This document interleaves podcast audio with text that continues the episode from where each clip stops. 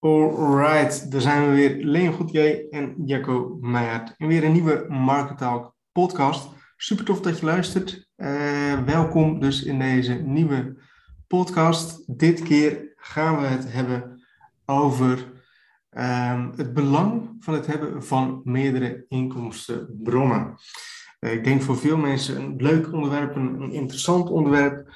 En zeker ook in deze tijd, ja, dat ook veel mensen beseffen van hey, het is nodig of dat mensen er interesse in hebben of wat dan ook, om meerdere inkomstenbronnen te hebben. Dus um, ja, leek het uh, Leon en ik een uh, goed idee om het hier dus over te gaan hebben. Dus welkom Leon, leuk dat je erbij bent. En um, ja, hoe zullen we beginnen met, uh, met, deze, met deze podcast? Ja, dat is altijd even een dingetje. We proberen zo min mogelijk te scripten, zodat we ook gewoon echt een soort van uh, ja, gesprekje voeren waarvan het lijkt dat de luisteraar er ook echt bij aanwezig is, zeg maar. Um, maar inderdaad, meerdere inkomstenbronnen. Het is een dingetje dat, uh, dat denk ik ook ontstaat op het moment dat je business al wat beter loopt, denk ik. Uh, als ik naar mezelf kijk, dan heb ik heel lang ingezet op het bouwen van websites, dat dat gewoon het ding was op een gegeven moment natuurlijk marketing, maar nu sinds een half jaar of een jaar dat ik ook meer bezig ben met uh, het aankopen van affiliate websites om gewoon commissies te gaan scoren en op die manier inderdaad ook uh, inkomsten te kunnen gaan genereren. Ja. Dus ja, je ziet dat inderdaad wel terug dat dat ook op een gegeven moment een logisch gevolg wordt van hetgeen dat je doet, uh, zeg maar. Ja. nee, ja, het is ook inderdaad wat je, wat je zegt. Kijk, Um, ik weet niet of, of, het goed is om, om nu direct deze kant op te gaan, maar nou, als je begint met ondernemen, dan is eigenlijk het enige doel wat je hebt, ja, je bedrijf opbouwen. Um, en loopt dat dan en heb je goede cashflow en je hebt constant klanten en je hebt wat geld op je rekening. Nou, dan ga je toch kijken van, hé, hey, um, hoe kan ik van dat geld ja, misschien meer geld maken? Of hoe kan ik ervoor zorgen dat ik niet alleen afhankelijk ben van deze inkomstenbron, maar dat ik ernaast ook nog iets kan gaan doen, uh, zodat als het ene wegvalt, en uh, misschien is dat nu hotter als het ware dan ooit, hè, sinds die corona, dat natuurlijk heel veel, voor heel veel mensen het inkomen ja, wegviel. Ja, dat mensen toch een soort van kijken van, hé, hey, ja, dit kan weer gebeuren. Uh, ik zie hoe afhankelijk ik ben van deze baan of van dit bedrijf. Um, hoe kan ik ervoor zorgen dat, mocht het weer gaan gebeuren, dat er toch nog inkomen ergens vandaan komt? Ja, ik denk dat het inderdaad, eh, wat je aangeeft, dat het een beetje een tweedeling is. Op het moment dat je begint, dan zal je jezelf inderdaad een beetje in twee willen splitsen. Dat je twee soorten werkzaamheden hebt. En op het moment dat het beter gaat, dat je uh, meer je geld aan het werk zet. Dus dat je op die manier uh, je vermogen gaat laten groeien, zeg maar. Ja. Dus ik denk dat er dan inderdaad verschillende wegen in zijn. Uh, zeker als je kijkt naar het begin met uh, um, verschillende werkzaamheden, dan is het goed om te zeggen van uh, je probeert zoveel mogelijk te focussen op één website. Want twee websites direct gelijk beginnen, dat, dat is denk ik niet echt een goed idee voor de meeste mensen. maar je kan er wel over na gaan denken op het moment dat je zelf merkt dat jij lekker bezig gaat met je website en het tekstschrijven ligt jou, dat je je diensten als tekstschrijver kan gaan aanbieden zodat de inkomsten die je daar weer uit hebt, je kan gaan steken in bijvoorbeeld je eigen affiliate website. Dat je op die manier toch uh, ja, begint, uh, begint te groeien met je projecten.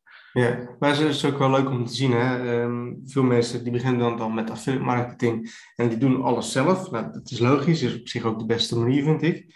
Uh, zeker in het begin. En als het dan eenmaal loopt en mensen die hebben inkomen, mensen die hebben die kennis, dan zie je heel vaak dat ze in plaats van het zelf nog opzetten van zo'n website, dat ze websites gaan kopen. En op die manier dat doe je wat met je geld. Sla je tijd over of win je tijd als het ware, doordat je een bestaande website met inkomsten gaat kopen. Dan kun je op die manier eigenlijk heel makkelijk een ja, imperium als het ware opbouwen. Puur door je geld um, ja, eigenlijk goed te investeren. Je steekt je geld eigenlijk in je eigen herhaling. Waar je zelf teksten zou moeten schrijven, kan je dat nu iemand anders laten doen die daar gewoon heel veel beter in is en, en misschien zelfs heel veel meer tijd in besteedt. En dat is ook wel grappig om te zien, want het aankopen van websites, dat, dat vond ik in het begin wel lastig, want je, je investeert natuurlijk best wel veel geld in een website en in de teksten die erop moeten komen.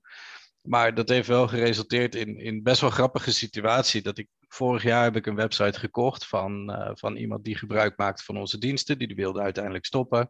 Nou, die website heb ik overgenomen. Op zoek gegaan naar iemand die teksten kan schrijven. En uiteindelijk heb ik nu iemand gevonden die teksten gaat schrijven voor die website, die tevens ook de eerste eigenaar van die website is. Dus het is best wel grappig hoe dat balletje gaat rollen. Dat iemand die inderdaad uh, eerst een website heeft gehad, uiteindelijk om wat voor reden dan ook zijn website besluit te verkopen. En vervolgens diensten gaat aanbieden als tekstschrijver, omdat hij gewoon in die tijd heel veel ervaring heeft opgedaan als, uh, als tekstschrijver, zeg maar. Ja. Dus dat is wel leuk om te zien hoe, uh, hoe mensen daarin bezig blijven en blijven, uh, blijven groeien in hetgeen dat ze kunnen en, uh, en willen doen. Ja, ja, precies, precies. Als je kijkt hè, naar, naar opzetten van meerdere inkomstenbronnen, nou, dan heb je natuurlijk je bedrijf, nou, dan heb je je websites. als ik naar mezelf kijk, ehm, nou, heb ik mijn bedrijf slash bedrijven, ehm, investeer ik, probeer ik zoveel mogelijk inkomstenbronnen op te zetten door goed te investeren. Um, hoe, hoe zouden mensen, denk je, het beste hier zo mee kunnen beginnen? Ik denk dat het heel goed is om uh, bij jezelf te blijven. Kijk, jij hebt mij ook wel eens geadviseerd in, uh, in, in de vier dingen waar jij in investeert, zeg maar. Ja, moet je gewoon doen. Alleen de stap om dat te doen, die is gewoon best lastig, zeg maar. Ja. En ik denk dat het wel wijs is, dat heb ik nadat ik met jou daarover heb gesproken ook direct gedaan. Gewoon met een hele kleine inleg daarmee te beginnen. Om gewoon te kijken uh, wat het doet. Maar ik denk ook dat het een heel groot mindset dingetje is om uh, na te gaan hoeveel je in de maand echt nodig hebt en hoeveel van de rest van je vermogen op dat moment te veel of over is eigenlijk. En dat, dat klinkt in het begin heel raar, want ook toen ik begon met nou, wat dan ook, gewoon goed geld verdienen nadat ik zeg maar mijn, uh, mijn opleiding heb afgerond ben je heel snel geneigd om te zeggen: ik verdien nu zoveel per maand en ik wil naar zoveel toe. Maar als je dan gaat kijken wat je maandlasten zijn, dan blijven die ongeveer altijd hetzelfde. Hmm. Misschien op het moment dat je iets meer gaat verdienen, ga je wat ruimer leven natuurlijk. Maar als het goed is, in een gezonde situatie hou je altijd geld over.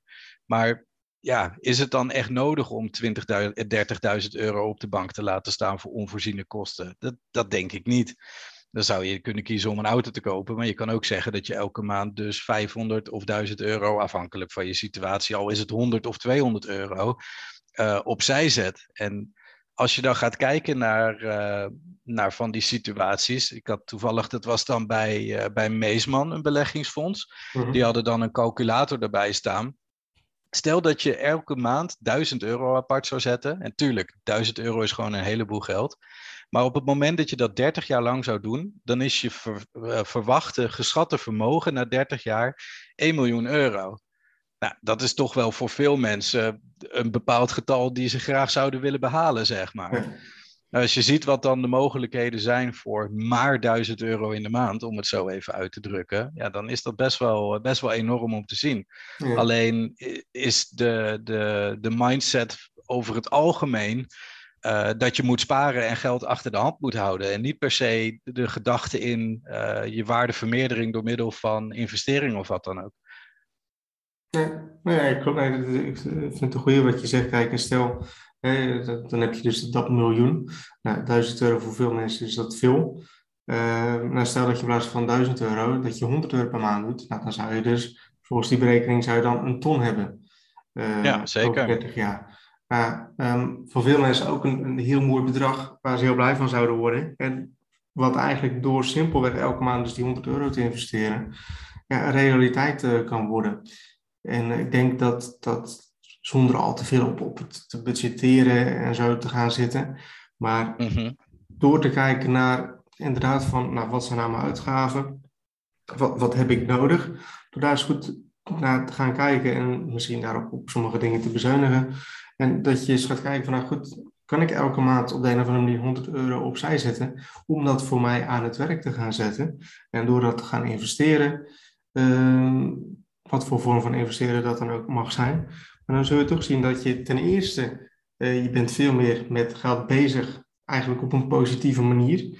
Ten tweede, je leert er ontzettend veel van. En ten derde, je bouwt zo een ja, extra passief inkomen op. Plus ten vierde, um, over een x aantal jaar is dat genoeg geld, zeg maar, om uh, als het goed is van te kunnen rentenieren. Uh, en dan zie je wat er mogelijk is door gewoon slim na te denken en door geld opzij te zetten om het voor je te gaan laten werken. Ja, het is, het is inderdaad heel slim om daar gewoon naar te kijken. Ik merk in mezelf ook dat ik het heel lastig vind, omdat ik nu in een situatie zit die ik niet had verwacht op het moment dat ik gewoon op normale voet in loondienst was gebleven. Dat je nu toch meer vermogen aan het opbouwen bent, zeg maar. Dus ik heb zelf heel veel nagedacht over hoe je kan besparen. Want ik denk dat dat een heel, heel interessant ding is. Hoor wel eens gekscherend als dan. Uh, ik, ik maak er altijd de kunst van om zo goedkoop mogelijk uh, internetabonnementen en dat soort dingen te hebben. Uh, dat je dan wel eens hoort van, joh, alsof jij op een cent zit, zit te, te, broeden, zeg maar. Of hoe je dat ook noemt. Maar ja, goed, ik denk dan toch op het moment dat ik 19 euro per maand betaal of 17 euro per maand, ja, trek het maar door het, het wordt op een gegeven moment wordt het geld. En 2 euro in de maand uh, extra verdienen is veel makkelijker dan 2 euro in de maand gaan besparen. Daar geloof ik wel echt in. Dus dat is wel een dingetje wat ik op een gegeven moment voor mezelf wel helder had. Dat, wat de uitgaven precies zijn, zeg maar. En onlangs ben ik zelf een traject gestart met een financieel coach. Uh, die gewoon volledig in kaart gaat brengen hoe mijn situatie eruit ziet. En ik denk dat dat heel waardevol kan zijn. En dat, dat geeft dus ook aan dat je zelf niet overal verstand van hoeft te hebben. Ik in deze situatie ook. Ik moet nu enorm veel aanleveren over hoe de hypotheek eruit ziet, hoe onze uh, abonnementen en, en verzekeringen zijn opgebouwd. Uh, op het moment dat uh, nou, onze zoon die net geboren is, dat die in onze situatie erbij komt, hoe ziet dat er dan allemaal uit? En zij kunnen dat gewoon in een systeem zetten en aan een paar knoppen draaien. En die kunnen dan gewoon heel mooi adviseren op het moment dat je dit gaat doen of dit extra gaat uitgeven. Dan ziet jouw verwachte uh, vermogen na 20 jaar er op deze of deze manier uit.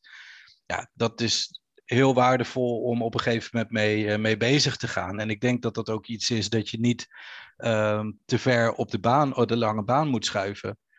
Er is ook wel eens zo'n, uh, volgens mij was dat ook een hypotheek of een uh, uh, beleggingsreclame geweest.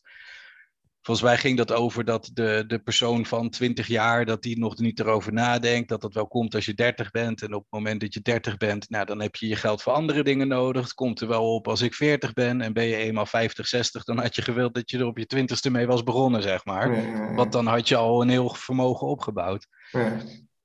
Dus ik denk dat het heel goed is om inderdaad een langetermijnvisie erbij te hebben. En inderdaad ook heel goed te kijken wat je in de maand precies kan missen, uh, wat jij ook aangaf. Ja, klopt, klopt. En, als je dan, want eigenlijk deze podcast gaat meer over het, opzetten, of tenminste het belang van meerdere inkomstenbronnen.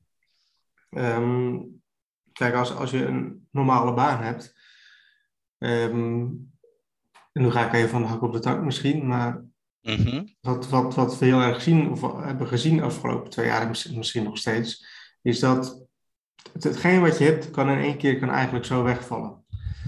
Um, dat is ook als je eigen ondernemer bent, maar dan toch meer, heb je nog iets meer in eigen hand, denk ik.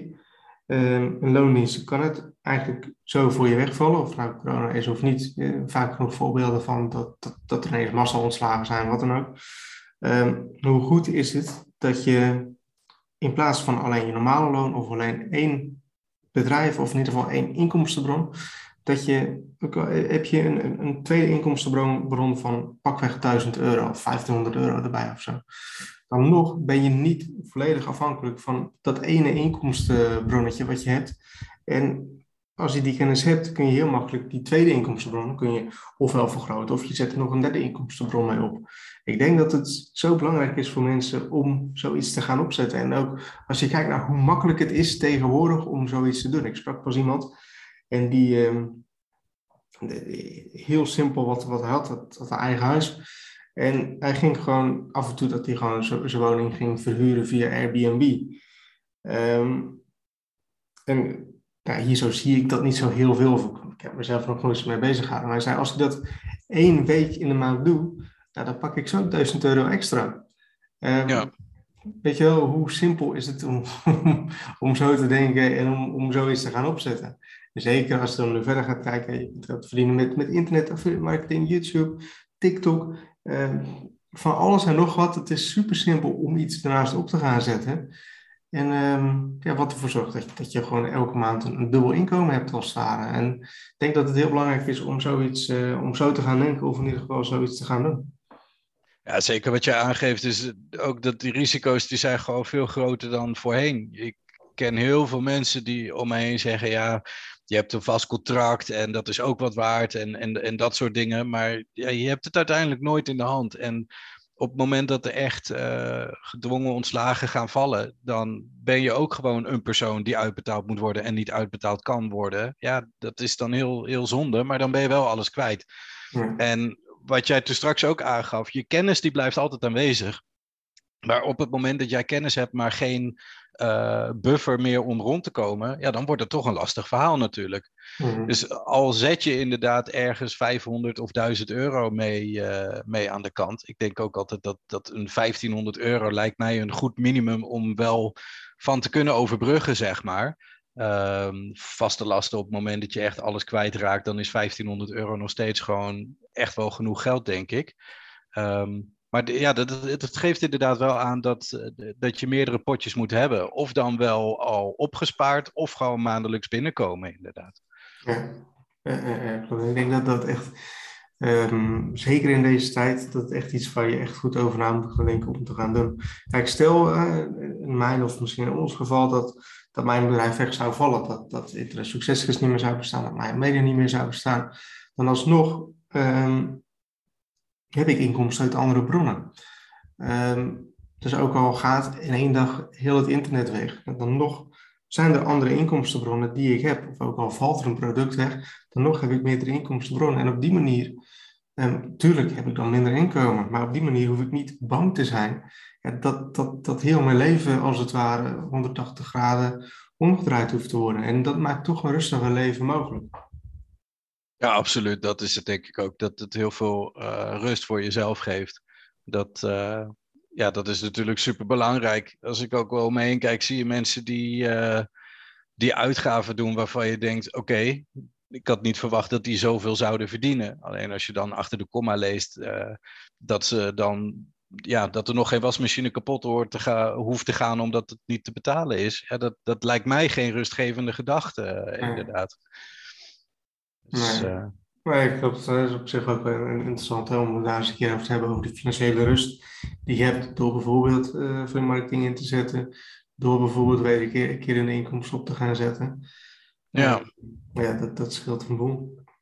Ik heb ook wel heel veel voorbeelden gehaald uit op een gegeven moment uh, toen de horeca in, uh, instortte, zeg maar. Je zag heel erg het verschil in de, de ondernemingen die dichtgingen en uh, ja, het, echt hun hoofd niet boven water konden houden.